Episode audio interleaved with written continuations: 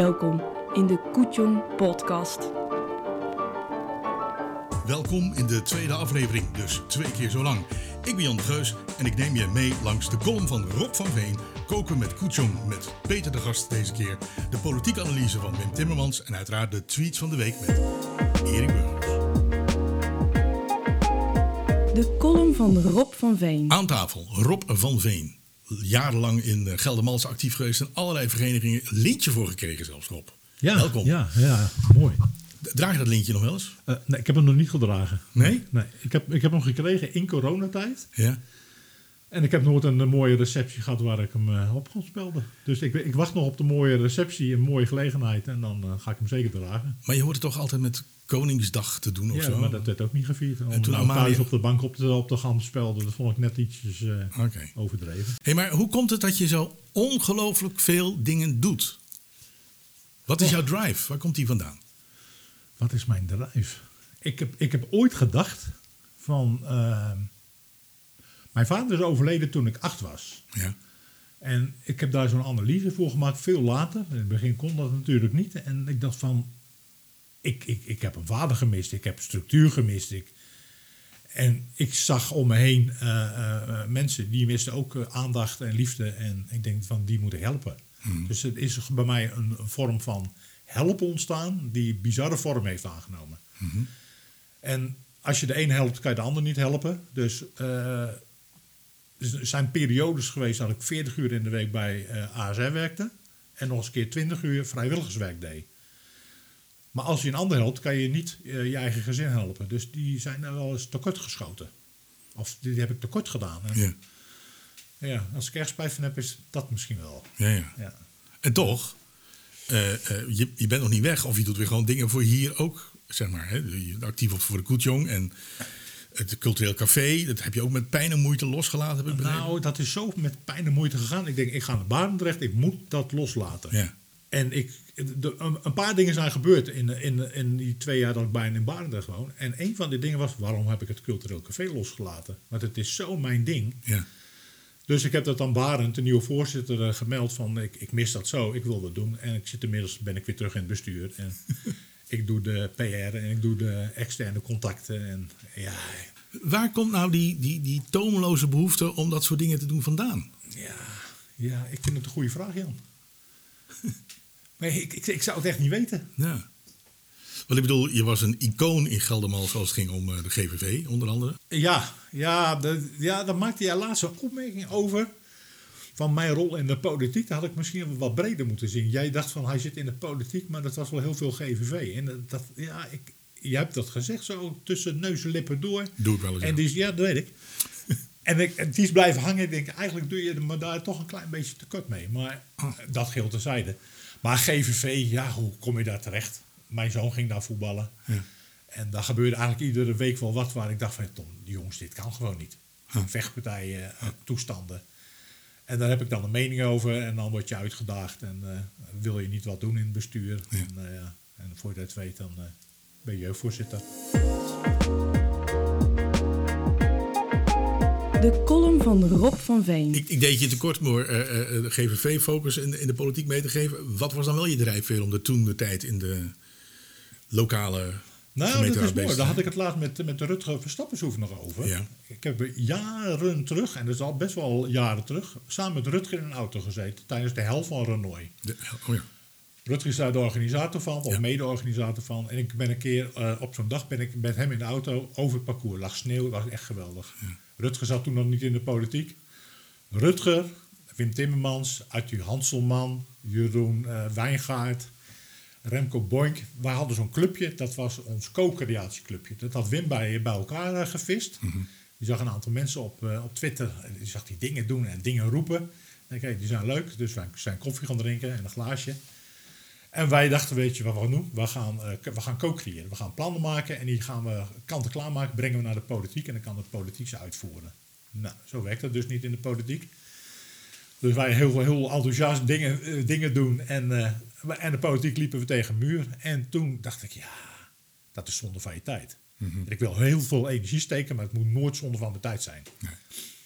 Dus dacht, weet je wat, dan ga ik het toch maar een keer via de politiek doen. Dus toen ben ik in de politiek terechtgekomen. Ja, ja. En, en, en voordat je het wist, was Barendrecht ook zo'n plek waar je zomaar dan weer in zit in de Ja, en de Barendrecht, ik heb echt uh, met mezelf afgesproken. Ik ben naar Barendrecht gegaan. Nou, dat heeft allemaal uh, redenen gehad, dat weten de meeste mensen wel van. Ja. Ik ben er heel gelukkig nu.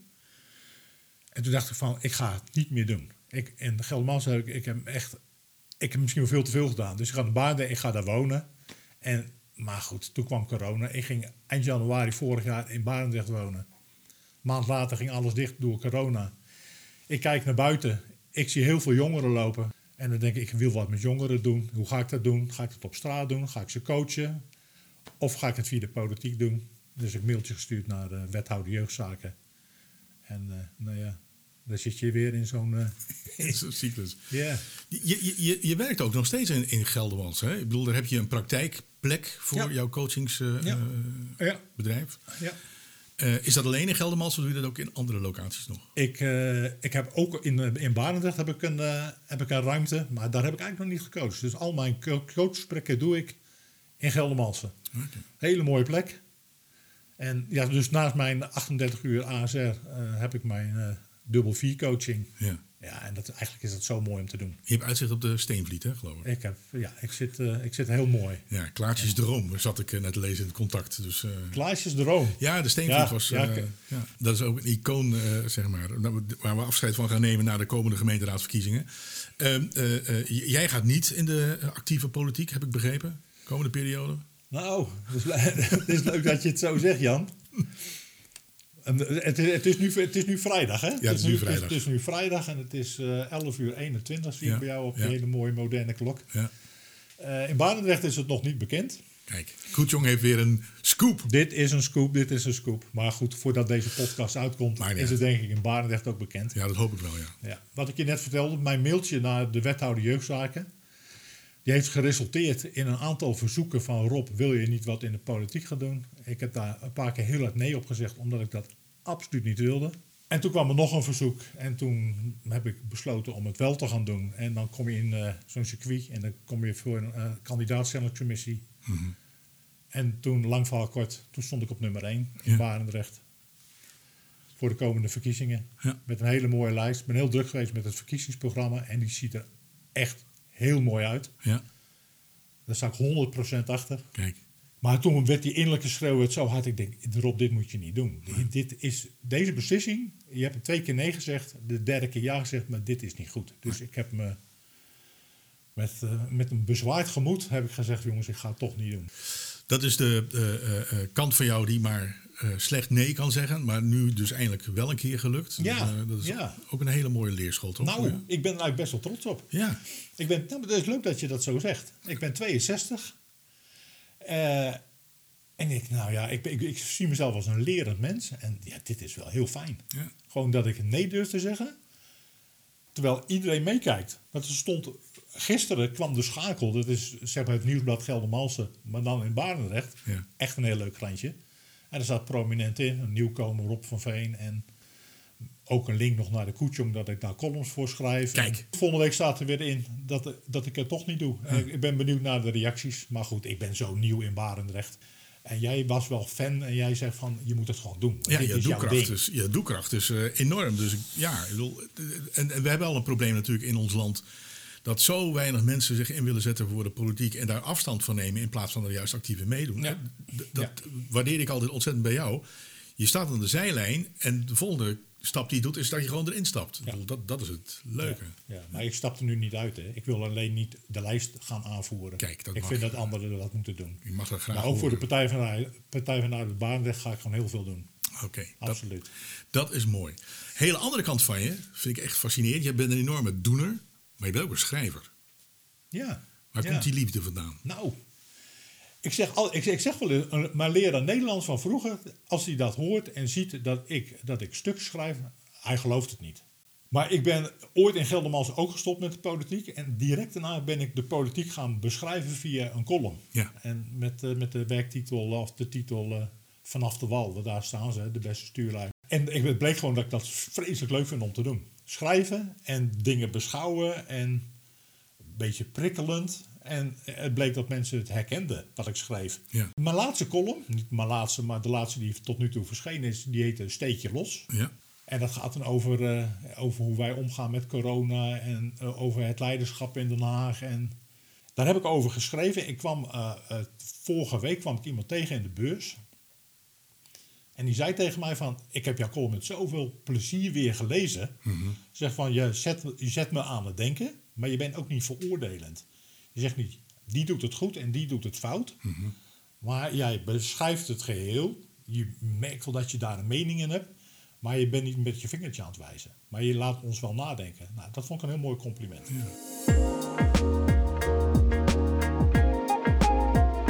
De column van Rob van Veen. Je hebt eh, drie thema's eigenlijk gehad, hè? Of, en, en eigenlijk nog steeds, want ik zag dat mijn grote vreugde dat je dan toch weer gewoon doorgaat met schrijven van de, van de column. Maar je hebt drie thema's. Eentje is dan eh, de politiek eh, in Geldermalsen, later West-Betuwe, om dat zo te beschrijven. De tweede had te maken met eh, eh, eh, persoonlijke ervaringen, echt diep persoonlijke ervaringen na het overlijden van, eh, van je vrouw. Ben je ermee begonnen. En er is er eentje die wat meer human interest eh, heeft. Zeg maar, wat meer generieker niveau is. Dat is eh, Ja. eh, voor onze lezers, hè? Hoe, hoe doe je dat nou? Hoe Nou, schrijf jij ja. nou een column? Want je hebt een aantal woorden waar je aan moet houden. Ik bedoel, Ja, maar on- ondertussen weet ik wel ongeveer hoeveel woorden ik kan schrijven. En hoe het stukje eruit ziet. Nou, dat gaat wel passen. En anders neemt hij maar een klein lettertje. Ja, ik, ik krijg een woord of een, of een kreet. Of wat, wat er die week speelde. En dan denk ik, oh ja, daar ga ik het over hebben. En dan ga ik zitten en dan schrijf ik hem weg. En dan staat hij in de basis klaar. En dan ga ik hem eh, nog een keer en nog een keer. Een punt, een column, woordje weg, woordje erbij. Zinnetje verbouwen. Dus dan komt die column nog een keer vijf, zes langs. En denk ik, nou is die mooi. Laat ik hem helemaal lezen. Of ik alle D's en de T's goed heb staan.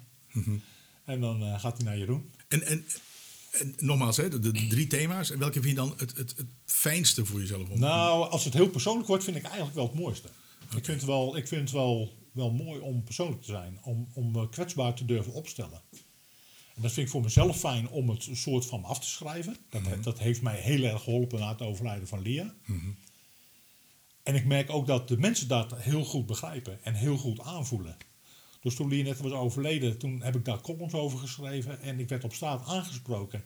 En omdat ik heel open was in mijn gevoel en in mijn, in mijn diepe verdriet, Ja. durfden mensen mij daar ook op aan te, spreken, aan te spreken en mij ook bevragen hoe het met me ging. Ja. Anders waren ze misschien wel met een boogje om me heen gelopen. Ja. En nu kreeg heel veel warmte en heel veel aandacht en liefde, omdat ik ook open durfde te zijn. Dus zij durfden mij wel op te zoeken. Maar goed, het, het is een ding. Maar goed, ik hoef het jou niet uit te leggen. Jij, jij zit in het diepe verdriet. Ja.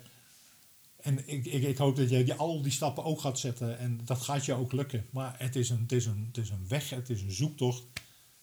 Je gunt het echt werkelijk niemand. Nee, maar het- ik bedoel, in dat opzicht, ik heb jouw columns terug zitten lezen eh, eh, over die periode, omdat het voor mij dan ook nu zo herkenbaar is, zeg maar. En toen dacht ik van, het is een prachtig thema. Je moet het gewoon eigenlijk bundelen en, en nog eens een keer eh de Ja. hand stellen van mensen. Ja. Al mijn columns die ik geschreven heb, ik heb ze allemaal weer verzameld. Ja. En het moeilijke was, degene die in het nieuwsblad Geldermalsen stonden. Het nieuwsblad Geldermalsen is overgegaan naar een andere uitgever. Ja. Op dat moment hebben ze de, de website gesloten. En dus alle columns waren weg. Oh, Maar goed, Louis, de grote redacteur van het eh, nieuwsblad Geldermalsen, die heeft ze allemaal staan. Dus ik heb ze allemaal gekregen. mooi. En ze staan allemaal gebundeld in een boekje en die ga ik binnenkort een keer uitgeven. Kijk, dat mag ik nou eens graag horen. Dus ik dacht, daar word jij blij van. Ja, daar word ik wel blij van. Ehm, ik, ik, ik proefde uit je woorden, eh, want er is een tijd lang dat je even afscheid had genomen van Geldermalsen, qua column dan in ieder geval.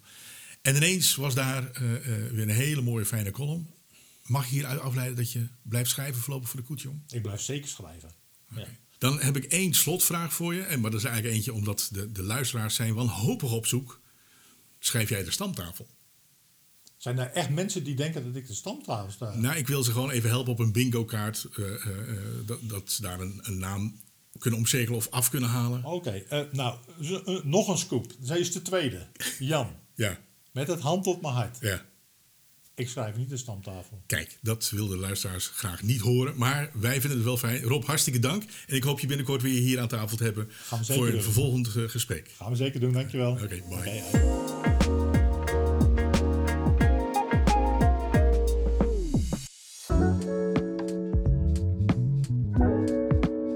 Koken met Koetjong. Met deze keer Peter de Gast. Peter, hartelijk welkom in de podcast van Koetjong. Eh, koken met Koetjong. Vertel eens iets over de club. Hoe is dat ontstaan? Eh, nou, hoe, hoe is dat ontstaan? Eh, eigenlijk heel spontaan. Ja. Ehm, ja, we waren op Twitter werden heel veel gerechten gedeeld. Ja. En toen was eigenlijk de bedoeling, of de bedoeling, het werd eigenlijk gezegd van ja, misschien is er wat voor de Koetjong om de gerechten te delen. En ja, zo is het ontstaan. We hebben een WhatsApp-groepje opgericht onder de Twitteraars. Is, dat, is dat daarna gebeurd, die WhatsApp-groep oprichten? Dat, dat is daarna gebeurd, ja. Maar ja. gewoon een stel idioten bij elkaar en die zeiden van... Uh, ja, nou, laten we eens beginnen. Kook, en, uh, koken is leuk. Koken is leuk, ja. ja. En er zitten nu uh, tien mensen in, in de WhatsApp-groep. Ja. En ja, en er worden ontzettend veel gerechten gedeeld. Ja. En, ja, het is superleuk. En we leren ook van elkaar. Ja.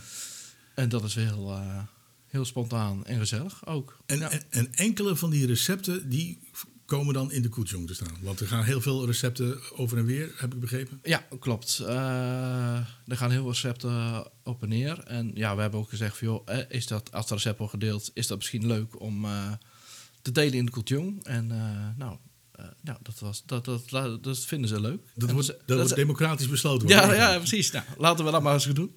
Dus niet een chefkok die zegt van, en dit gaat hem worden. Nee, wij zijn geen chefskoks. Nee, nee, nee. We zijn gewoon amateurkokjes. En, uh, en we vinden het hartstikke leuk om te doen. Okay. En uh, ja, als er wat voor foto's er voorbij komen, nou, echt geweldig. Okay. Superleuk, ja. En, en, en kookt iedereen apart of zijn er gezamenlijke sessies met elkaar? Nee, we koken apart. Tenminste, dat is nu nog. Want ja, ja je kent de corona wel. Ja, ja. het idee is wel ontstaan om een keer samen te komen met z'n allen. Ja. En, en gewoon samen een keer te koken. Ja. En eerder een gerechtje. En dan gezellig een borreltje erbij. Ja. En, maar ja, dat zit nog in het vat. En wat het vat zit, verzuurt niet, zeg ik altijd. Oké. Okay. En, en, en, koken voor een goed doel? Ik kan me zo voorstellen dat je met elkaar ook... Uh, ik heb dat in ieder geval wel eens een paar keer gedaan met uh, vrienden van mij. Uh, zeg maar hier het Klokhuis en Beesten voor 40 ouderen gekookt. Maar zo zou dat natuurlijk... Doen jullie dat ook? nee, dat doen we nog niet. Ah. het zou wel heel leuk zijn. Dat, dat vooral nog, dat vind ik wel leuk, Linkje. Dat doen ja. we nog niet. Nee, nog niet. Nee, nee. Het lijkt me heel leuk. er zijn wel bijvoorbeeld in... ik kom zelf uit Dijl. Ja. En daar wordt wel eens voor ouderen gekookt. Ja. En ja, als dat weer wordt opgepakt, dan wil ik daar zeker mee helpen. Ja. Oké, okay, ja. maar dat doe je dan nog niet zeg maar, met z'n allen als uh, koker voor Koetjong? Uh, nee, dat niet. Nee, Ah. dat, misschien, dat is misschien een heel goed idee om een keer, ja. een keer te doen. Dat lijkt ja, superleuk. Oké, okay. even over jouw koken. Wat, wat, is je lievelingskruid in de keuken? Wat gebruik jij nou het meest? Los van zout en peper, neem ik aan. Ja, nou ja, dat kan niet ontbreken natuurlijk, hè, de zout en de peper. En... maar uh, ja, ik vind, ja, ik heb, toen ik begon had ik misschien maar drie of vier kruiden of zo. Ja. En, een uh, echte man, zeg maar. Zeggen. Ja, precies. Het was altijd uh, aardappeltjes met groenten. En op een gegeven moment dacht je, ja, waar moeten we nou weer koken? Nou, laten we maar weer bloemkool eten, weet je wel. Ja. Ja, en dus toen kwam ik eigenlijk op het idee van, nou, wij gaan via internet koken. We gaan gewoon een recept opzoeken en daar gaan we mee aan de slag. Mm -hmm. Dus uh, er kwamen steeds meer potjes bij. En uh, inmiddels, uh, nou, ik heb ze nog niet geteld, maar het zijn er wel een stuk of veertig, denk ik. Ja. En, en, het, en het leuke is ook, je, je kookt ook zonder pakjes. En er zit natuurlijk ja. heel veel zout in. Ja. En dat vind ik wel heel leuk om te doen. En mijn lievelingskruiden, ja, weet je, er zijn zoveel kruiden. Maar ik kook wel heel veel met ook verse kruiden. Ja. peterselie, tijm. Ja. Vind ik wel hele lekkere kruiden om mee te koken. Ja. Hey, en welk gerecht ga je nou nooit meer maken, heb je jezelf voorgenomen? Welk gerecht nooit meer maken? Ja, ik heb ooit eens een... Uh, nou, daar zit een verhaaltje aan vast. Ja, uh, daarom vraag je dat. Ja, precies. nee, en uh, een kennis van mij die jaagt. Mhm. Mm -hmm. En dan zullen misschien wel mensen in de podcast zeggen... oh, dat is zielig. Maar die heeft gewoon een grond gepacht in Duitsland. En daar betaalt hij ook voor. Niet om Mario Waard.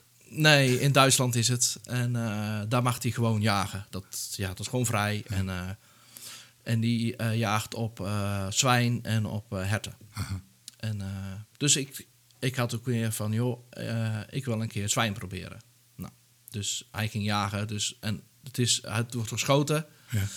En het vlees wordt geslacht bij een slager en gekeurd door de slager. Dus allemaal goed vlees. -hmm. En toen heb ik daar een gerecht van gemaakt. Het vlees was super, maar het gerecht was niet echt lekker. En eh, dat was, zat heel veel pastinaken in. Hè. Oh. Dat is een soort- een aardappel, eh, dat is heel scherp, vind ik zelf. Ja. En dat overheerst eigenlijk een beetje. Dus die ga ik nooit meer maken. Pastinaak hoort ook bij de vergeten groente. En de naam zegt al, dat moet je gewoon vergeten. Ja, eh, precies. Ja, ja. Oké. Hey, en, bij- en bij welke kok zou jij wel eens in de leer willen gaan? Om, om dingen te, te fijn te leren? Eh, nou, daar heb ik eigenlijk nooit over nagedacht. Want, ja, ik, ik ga nooit een eh, chef-kok worden. Nee, maar dat hoeft niet. Hè? Maar er zijn nee. heel vaak van die kookworkshops eh, hier in Geldermalsen en in Haaften, Heukelum, zeker in Heukelum ook. Ehm, eh, waar je gewoon ja, met elkaar kunt koken en dan leer je eens wat kneepjes. Nou ja, goed. Ik, ik ben ook wel een leuke barbecue-liefhebber. Kijk, dat bedoel ik. Daar zijn ook meer mensen die, in, die in de Twitter en in de clubje zitten... Ja. die van barbecue houden. Ja, volgens mij Jordi is daar ontzettend die bedreven is in. daar als ik zie, jongen, denk ik, jongen, jongen, dat kan ik echt wel nog heel veel van leren, denk ik. En die geven ook workshops, Ja. eh, zag ik. Ja, ga, eens- ga eens eentje volgen bij. Ja, ja, ja. Ik, eh, ja dan eh, kom ik echt als, als een leek kom ik daar binnen, denk ik. En, Jordi, we gaan je trouwens een keer uitnodigen voor deze podcast. En dan mag je eens een keer een van je heerlijke recepten vertellen. Want wij zien die regelmatig voorbij komen. Ja, ongelooflijk, ongelooflijk lekker zien ze eruit, Ja. moet ik zeggen. En, ja, en als ik dan weer een keer eh sperps klaarmaak waar mijn kinderen helemaal dol op zijn. Ja. En die maak ik dan in de oven klaar. Ja. En dan komt er gelijk een berichtje van... Nee, heb je eens niet op de barbecue gemaakt? ja. dus... eh, ja. maar mijn barbecue is niet zo groot. eh, er passen geen vier of vijf sperps op. Dus in de oven... Ik heb een hele grote oven. En eh, ja, daar passen er wel, daar passen wel zes in. eh, ja. En, en, en krijgen wij dat recept van die, van die sparrows nog een keer voor jou op de koetsjong? Of is het al geweest? Eh, nee, die is niet geweest. Maar hij, hij is eigenlijk super simpel. Ja, ja, Dus dat, ja. Zeggen, dat zeggen ze allemaal. Nee, maar het is een heel simpel. eh, het is gewoon eh, een eh, pakje van Conimax. Het, eh eh, saté marinade. Heel simpel. en dan doe ik dan zelf wel een beetje ketchup en eh knoflook erheen. En dan maak ik sperres mee. En de jongens, jongen, ach, als je, als je ziet smullen, dat is echt geweldig om te zien. Ja, dat is wel heel leuk. Ja. Nou, voor, de, voor de juiste is natuurlijk ooit een keer in de koetsjong komt hij. We gaan hem gewoon proberen te verleiden. Een recept van Peter de Gast. En eh, nou, dankjewel voor je komst. En eh, ik zie uit naar je recepten. ja, heel goed. Nou, en graag gedaan. Super, dankjewel.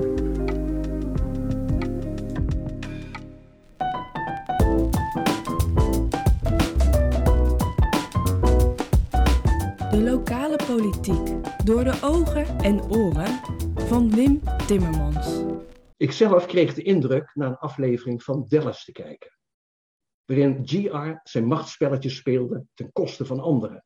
Tenenkrommend. Tegen zo'n macht kon niemand op. Maar dan kwam Sue Ellen, die doorhad dat je niet macht tegen macht mocht uitspelen in zo'n situatie. En die op haar eigen strategische manier toch haar doel bereikte. Voorzitter, ik zag wethouder Annette Eijf in deze aflevering acteren als een ware Sue Ellen en dat tekent haar. Welkom Wim. Ehm, zitten wij hier in een soap? Ehm goeie vraag, dat weet ik ook niet. Wat, wat je wel ehm, ziet is dat eh, hier Leon van Dun namens uh, Dorpsbelangen laat zien dat hij vroeger heel veel eh, voor de televisie gehangen heeft. We hebben vorige keer verteld hoe het met de, de AVRI allemaal gelopen is. En we zitten nu in een vergadering waarin de gemeenteraad van West-Betuwe in debat is met eh, wethouder Eijven over of ze het wel of niet goed gedaan heeft. Het gaat ons om de tweede motie. Daarin hebben wij als raad uh, voltallig wethouder Eijf de opdracht meegegeven om het oordeel van de gemeenteraad van West-Betuwe over het handelen van het DB AVRI ter bespreking in te brengen in de eerstvolgende vergadering van het AB AVRI. En om samen met de vertegenwoordigende collega's uit de andere gemeenten in het AB AVRI te gaan werken aan het herstel van het bestuurlijk vertrouwen naar de raden en inwoners toe door mede de samenstelling van het DB AVRI te wijzigen. Ja, Rita Boer-Rookhuizen van uh, D66, die heeft naar aanleiding van uh, alle consternatie over de AVRI een extra raadsdebat aangevraagd. Daar zitten we nu en ze gaat er met, uh, nou, het gaat er redelijk strak in. Constaterende dat de raad wethouder Eijf op 26 oktober 2021 via een motie de expliciete opdracht heeft meegegeven om samen met de vertegenwoordigende collega's uit de andere gemeenten in het algemeen bestuur AVRI te gaan werken aan het herstel van het bestuurlijk vertrouwen naar raden en inwoners. Dringend is verzocht om dit te doen door mede de samenstelling van het DB AVRI te wijzigen. Um, Wim, waarom deze motie? Ja, vlak hiervoor heeft uh, wethouder Annette Eijf uh, verantwoording afgelegd over hoe die vergadering bij de AVRI gegaan is en over wat zij, uh, hoe zij daarin zat. Um, dat gaat ze zo ook even hier vertellen aan ons. En wat wel interessant is om te zeggen, want ze vooral uit wat ze gedaan heeft, maar ze zegt niet echt heel erg sorry. Dus je ziet dan dat een aantal raadsleden daar zeer ontevreden over is. Ik ben van mening dat het extreem belangrijk is dat we werken aan het herstel van bestuurlijk vertrouwen. En dat een wisseling van de wacht van uh, drie DB-leden naar drie AB-leden, die dan DB-lid gaan worden voor een periode van vier maanden, uh, was in mijn hoofd van een minder belang dan het werken aan de toekomst van AFRI. Er liggen nogal wat grote opgaven. Ik heb ook bij de beantwoording van het debat wat we gehad hebben hier in de Raad aangegeven dat ik heel veel uh, onderwerpen voor, uh, op ons af zie komen bij de AFRI, waar we echt in gesprek moeten met de raden. En ik ben met u van mening dat de structuur die wij hebben, het debat met de raden, onvoldoende faciliteert. De reacties van de oppositie hebben we even voor u op een rijtje gezet. Ja, dank u wel, voorzitter. Ik vind dat mevrouw Boer-Rookhuizen het prima verwoord heeft. ik wilde er nog één aan aanvullen, want er wordt elke keer geschermd dat we nog maar vier maanden voor de verkiezingen zouden zitten.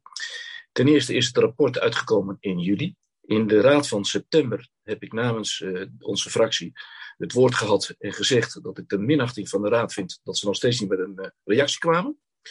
Daarop was al duidelijk te horen dat wij ontstemd waren over het feit waarop het opgepakt werd. We hebben de wethouder ook gezegd, maak er werk van. Daarna hebben we de volgende raadsvergadering hebben we het opgepakt. Hebben we een motie gemaakt die breed gesteund is. En hieruit blijkt ook de reactie van het dagelijks bestuur dat het een, nog steeds een, een slecht invoelend geheel heeft voor politieke sensitiviteit. En deze mevrouw die gaat haar eigen betoog houden. En haar eigen betoog... Deze, deze mevrouw is de wethouder. Ja, deze mevrouw is ook de wethouder. Ja, dat bedoel maar deze mevrouw die, die pretendeert om buiten de orde van deze raad om een eigen invulling te geven en puntkomma's te zetten en vraagtekens te zetten en uitroeptekens te zetten. Ja, we hoorden hier eerst uh, Johan Kerbel van het CDA. Mm -hmm. Die legt vrij uitgebreid uit uh, waar wat hem betreft, wat het CDA betreft, de pijnpunten zitten in uh, waar het nu nog om gaat. Ja. Het gaat er over de communicatie en een aantal andere zaken. En, da en daarna hebben we Jos Rietbergen even heel kort laten horen. En Jos zegt eigenlijk hetzelfde, maar hij doet dat wat korter door de bocht. En uh, hij krijgt dan even ruzie met de, met de burgemeester. Nu krijgen we een aantal uh, coalitiepartijen. En ja, die gaan natuurlijk altijd toch een beetje die wethouder steunen. Of elkaars wethouder. Dat, dat is uh, zo. En zeker aan het eind van, het, van, het, van de raadsperiode. Maar ook daar hoor je tussen de regels door dat er nog wel dat men op zich wat Annette Eijf heeft gezegd, dat dat prima is, maar dat er ook nog wel wat punten overblijven en dat er echt nog wel wat moet gebeuren en moet veranderen. Ik zou eigenlijk de portefeuillehouder toch nadrukkelijk wel willen vragen, en dat ze daar ook echt wel een antwoord op geeft, hoe zij haar rol ziet naar ons als raad toe om ons te informeren. En niet achteraf als er iets besloten is, want dan kunnen wij namelijk als raad haar geen sturing meegeven. Maar gewoon juist vooraf, voor die punten die spelen. Ze geeft aan, er moet de komende periode ontzettend veel gedaan worden. Belangrijke besluiten genomen worden. Avri staat op een soort keerpunten, als ik het goed begrijp. Dus dan denk ik, nou, dan vind ik het wel prettig dat als er iets gaat spelen, dat we dat vooraf in ieder geval wel uh, in de smies hebben, zodat ieder geval portefeuillehouder meekrijgt wat wij als raad willen. Ja? Terugkijkend en luisterend uh, denken wij dat het van groot belang is dat de setting van de algemene uh, bestuursvergadering van de AFRI wel degelijk van belang is geweest. Zowel verbaal en non-verbaal. Ik heb ook getracht, net zoals meerdere raadsleden, om de vergadering bij te wonen. Niet gelukt, je bleef in de wachtkamer pendelen. Maar achteraf hebben we kennis kunnen nemen van het audioverslag en zelfs het videoverslag. Dus ook verbaal kunnen zien en non-verbaal wat er gebeurde in die vergadering. En opmerkelijk in die vergadering van 17 november, het begon heel gezapig. Maar na een minuut of 25 ontaarde dat in een grimmige sfeer. Er werd heel veel op de personen zelf gespeeld. Er werd verbaal druk op wethouders uitgevoerd uitgeoefend. In de vorm van, dus jij wilt ons weg hebben? En ook, jullie hebben van je eigen raad een motie aan je broek gekregen. Wij niet. Met andere woorden, een heel duidelijke vorm van polarisatie tijdens die AB-vergadering. Ik geef het een ieder te doen om in deze setting te acteren. Toen de voorzitter van het dagelijks bestuur wilde samenvatten, was het wel onze wethouder welke kritisch reageerde. En die zei van, ik hoor niet veel wat anders gaat worden. En daar word ik onrustig van. Ik ben zoekende om recht te doen aan de moties. Een andere manier. Waar staan we? De rol van de raden. Klopt die nog wel? En waar willen we naartoe? En zoals nu wordt voorgesteld, zijn het weer de vergaderingen zoals we die kennen. Maar dat gaat het verschil echt niet maken. Daar reageert onze wethouder heel kritisch en heel alert op. Nou, ik kan het niet beter verwoorden dan het verwoord is, dus daar sluit ik me graag bij aan. En wij zijn ook voor uh, de inhoud, het herstel van het vertrouwen, pragmatisch ook met de zaak omgaan. Het is nog maar een periode van drie maanden, maar ik onderstreep ook namens onze fractie van harte dat we graag zien dat er uh, na de verkiezingen in maart een uh, nieuw DB komt. Met nieuwe mensen, een nieuw elan, een andere cultuur, waardoor dit soort zaken tot het verleden zullen behoren. En onze wethouder ja, heeft in een zeer moeilijke speelveld moeten opereren. Um, wij zijn overtuigd van de wijze waarop zij dat heeft verpoogd te doen.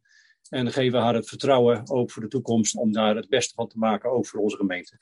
Dat waren drie coalitiepartijen. Wim? Ja, de coalitie laat uh, wethouder Eijf natuurlijk niet vallen. Dat gebeurt. Uh, dan moet je wel heel erg bruin bakken, wil dat, uh, wil dat wel gebeuren. Mm -hmm. We hebben eerst, hoorden we Diana de Zeeuw. Die, van de. Die, van de VVD, inderdaad, die haar steun uitsprak. En die ook wel aangaf van na de verkiezingen moet er wel wat veranderen. We moeten die AVRI, er moet wel gereorganiseerd of geherstructureerd worden, zodat er veel meer democratische controle is over wat die AVRI doet. Daarna hadden we uh, Leon van Dun. Mm -hmm. En dat sprak eigenlijk vooral heel veel bewondering uit uh, voor wethouder Eijf. Dat was natuurlijk ook een soort stijlfiguur, een bepaalde manier van praten. Hij ging er niet heel erg op in, maar was wel een soort uh, steunbetuigenis voor, uh, voor haar. En als, uh, als laatste hadden we Gian Bareman van de SGP. En om het in SGP-termen te zeggen, die sprak zonder een onvertogen woord zijn steun uit. En dat wil niet zeggen dat het niet binnen kamers enorm gestormd heeft. Dit zei Annette Eijf daarop. waarom niet rechtstreeks ons geïnformeerd direct na de vergadering? Uh, ik heb dat niet gedaan. Er, uh, ja, ik, ik, er is geen waarom. Ik heb het niet gedaan. Uh, en ik leer absoluut uit dit debat dat ik dat een volgende keer wel moet doen. Dus ik ga, ik ga ook kijken welke vorm dat dan kan hebben. Maar die, die komt bij veel van u terug. Er, er is duidelijk een behoefte geweest om direct na deze ingelaste AB-vergadering geïnformeerd te zijn. Dus ik, ik ga kijken hoe ik dat in, in een vorm kan gieten. Maar die behoefte is heel duidelijk overgekomen. Het DB uh, voert formeel nog de taken uit van een DB. Uh, en, en zoals ik al zei, er zitten ook operationele, op, operationele taken bij, waarvan je ook hoopt dat het allemaal gewoon goed doorloopt. Want we willen niet dat de uitvoering van het werk in, van de AFRI gehinderd wordt door deze bestuurlijke gesprekken. Het is al erg genoeg dat de mensen die op straat het werk doen van de AFRI de negativiteit terugkrijgen van onze inwoners. En daarmee uh, wil ik absoluut zeggen dat ik alles wat hier bestuurlijk besproken uh, wordt heel belangrijk vind. Maar ik vind wel dat we dat op de goede plek moeten voeren en dat we dat toekomstgericht moeten voeren. Ja, ik, ik denk nog steeds dat het werken aan uh, gesprekken met vertegenwoordigers van de Griffie of van de Raden, ik weet niet welke vorm dat moet krijgen, zo snel mogelijk opgestart moeten worden zodat we die, uh, die strategische onderwerpen ook goed in dialoog met de raden kunnen voeren. Want, want dat is echt wat nodig is. Ja, hiermee is uh, uiteindelijk voor uh, wethouder Eijf de kou uit de lucht. de hele coalitie staat gewoon achter haar en daarmee gaat die motie het helemaal niet redden. Nee. Um, er zijn wel een paar dingen die interessant zijn om even nog hier uit te lichten. Ja, de eerste is de de, de structuur. En het tweede gaat over financiën in het algemeen. Als je naar de structuur kijkt, dan is die eigenlijk wel een beetje prehistorisch. De, de politieke structuur. De, de politieke structuur. En, en dan is het jammer dat Kerbel zijn punt niet is opgepakt. Want we hadden eigenlijk vanaf de zomer tot en met eigenlijk de volgende zomer... want na de verkiezingen ben ik nog een paar maanden bezig met formatie enzovoort. Dus je ja. had eigenlijk een jaar de tijd gehad om eens even een aantal frisse mensen te laten werken aan een nieuwe structuur... zodat je die na de verkiezingen in één keer door al die raden kan laten vaststellen. En nu heb je grote kans dat je weer in een modderig circuit uh, terechtkomt. Dat is één. En, en uh, kijkend naar die structuur, dan zie je dat het ding dat zo'n samenwerkingsovereenkomst, eh, die, die, die ligt aan de basis van die samenwerking, die is echt gewoon eh, 10, 20, misschien wel 30 jaar oud. En dat was in de tijd dat het vooral ging over, over afvalstoffen, over reinigingsrechten en over eh, allerlei milieuverordeningen, maar die waren toen nog niet echt. En toen is er gewoon gezegd van nou, we, hebben, we gaan hier een uitvoeringsorganisatie neerzetten. Die gaan gewoon allerlei dingen uitvoeren. Dus die mogen eh, de afvalstoffenheffing enzovoort bepalen en die gaan allerlei milieuwetgeving integreren. Maar daar zit dan meteen een heel complex gebeuren. Dat is niet meer heel simpel en uitvoering, maar dan moet je echt keuzes maken. Gaan we nou, gaan we nou eh, gescheiden inzamelen of gaan, we, gaan we achteraf al, eh, scheiden? Hè? Dus alles in één bak. En dan halen we dat bij de AVRI eruit. Gaan, dat zijn enorme beslissingen. En dan zie je, wie heeft daar dan over besloten? Ja, een algemeen bestuur. En, en er zijn dus in dit geval acht wethouders. Die hebben drie wethouders afgevaardigd die het dagelijks bestuur zijn. En die kunnen eigenlijk bijna alles doen. Het enige wat ze moeten doen is af en toe het algemeen bestuur informeren over wat er aankomt. En de raadsleden die mogen één keer in de zoveel tijd bij elkaar komen in een platform. En dan mogen ze zeggen wat ze ervan vinden. En dan mogen ze een, een soort zienswijze inleveren. De- dus de vergelijking dat de, het algemeen bestuur een, een soort met gemeenteraadsconstructie is en dat het Nee. dagelijks bestuur het college zou zijn, Nee. dat is een vergelijking die mank gaat. Dat is een vergelijking die mank gaat. In feite heeft het dagelijks bestuur enorm veel macht en heeft de raad helemaal niets te vertellen.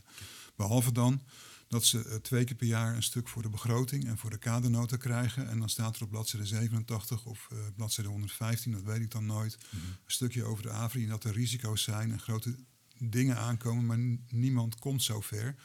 Want zo'n begroting eh, in de niet-digitale tijd had je dan al gauw een partij stukken van 10 centimeter dik. En het zal digitaal niet heel veel anders zijn, behalve dan dat je die dikte niet kunt, kunt meten. Nee.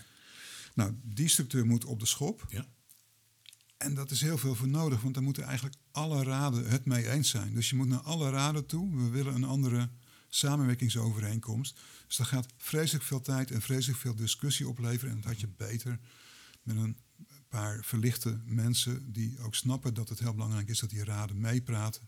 d- Dit half jaar kunnen doen. Ja, het, het tweede wat ik dan wel interessant vind, is dat, dat iedereen nu roept van ja, eh, wij hadden gespaard. eh, om, omdat we die AVRI-stortplaats over wilden dragen op, naar de provincie. En dan, dat bedrag dat is dan genoeg om de provincie een soort eeuwigdurende zorg te geven. En, en wanneer je zo'n bedrag spaart, dan, hou- dan hou je rekening met de rente, met de rekenrente. Nou, die rekenrente is naar beneden gegaan en ineens is dat bedrag dus een stuk minder waard. En iedereen roept dan, scheelt moord en brand daarover. Maar als je de politiek de afgelopen jaren gevolgd hebt, dan zie je dat inderdaad wat je gespaard hebt, wordt minder waard. Maar je schulden, eh, daar kun je dat ook weer op terugverdienen. Ik bedoel, de gemeente Geldermalsen had flinke kosten gemaakt voor de plantage. Die zijn voor een deel ingelopen doordat die woningbouw sneller ging. Maar op het moment dat die rekenrente naar beneden klapte, was het een enorme financiële meevaller. Dus er zijn wel eh, allerlei mooie meevallers binnengehaald. En dan vervolgens ga je moord en brand schreeuwen als, eh, als het voor je spaargeld precies andersom werkt. Eh, de, eigenlijk, als je een beetje eh, bestuurder bent, dan weet je dat wanneer die rente naar beneden gaat, dat je even moet kijken naar je schulden en je investeringsgelden aan de ene kant en naar je spaarcenten aan de andere kant. Dat hebben ze blijkbaar niet gedaan. En dat is niet slim. Allemaal na te lezen in de Koetjong, in de column die eh, weer verschijnt eh, heel snel na deze podcast. Wim, hartstikke bedankt en tot de volgende keer.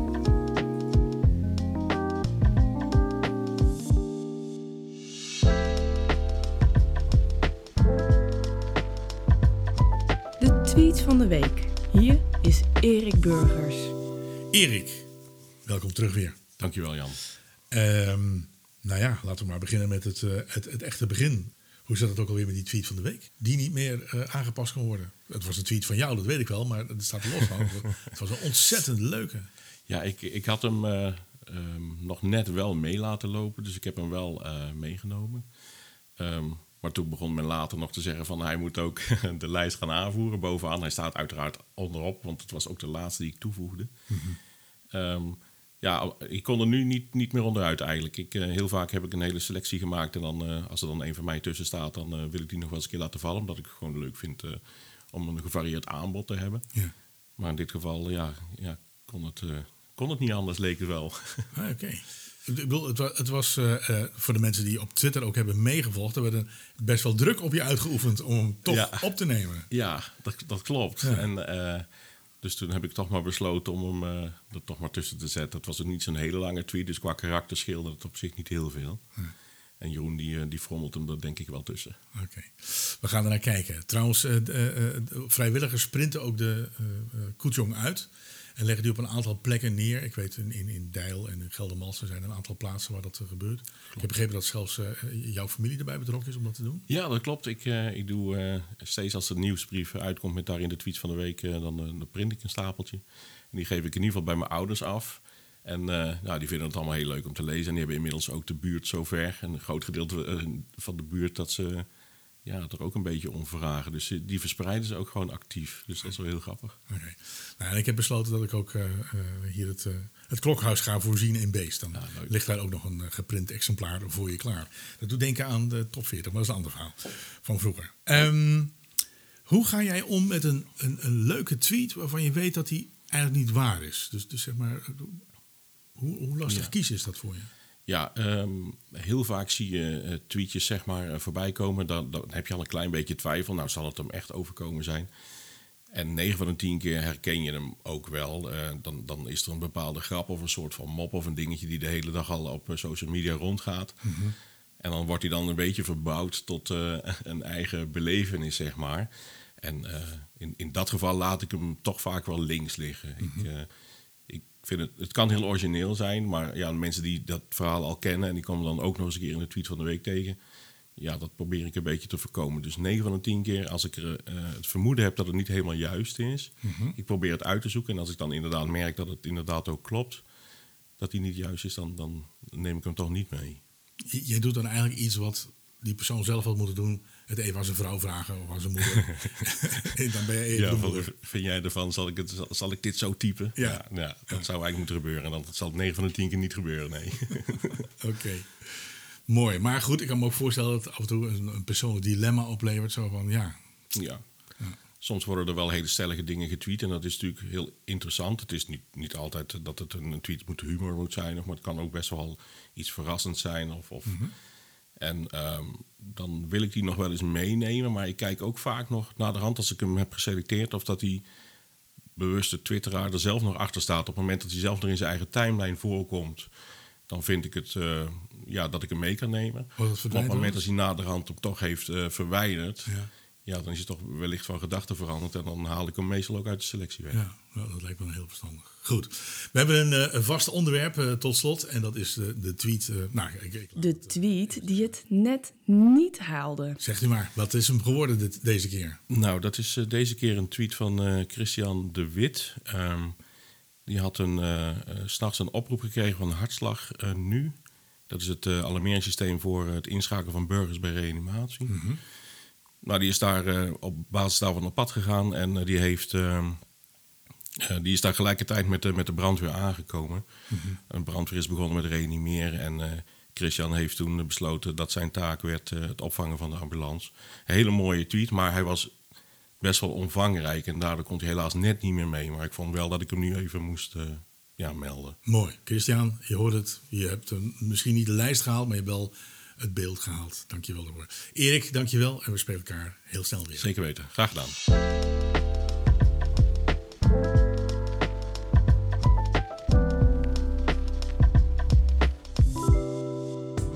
En dit was hem dan, de tweede aflevering van de Koetjong podcast. Heb je suggesties, commentaar of anderszins, laat het de Koetjong weten. Over twee weken zijn we er weer. Fijne feestdagen en zorg goed voor elkaar.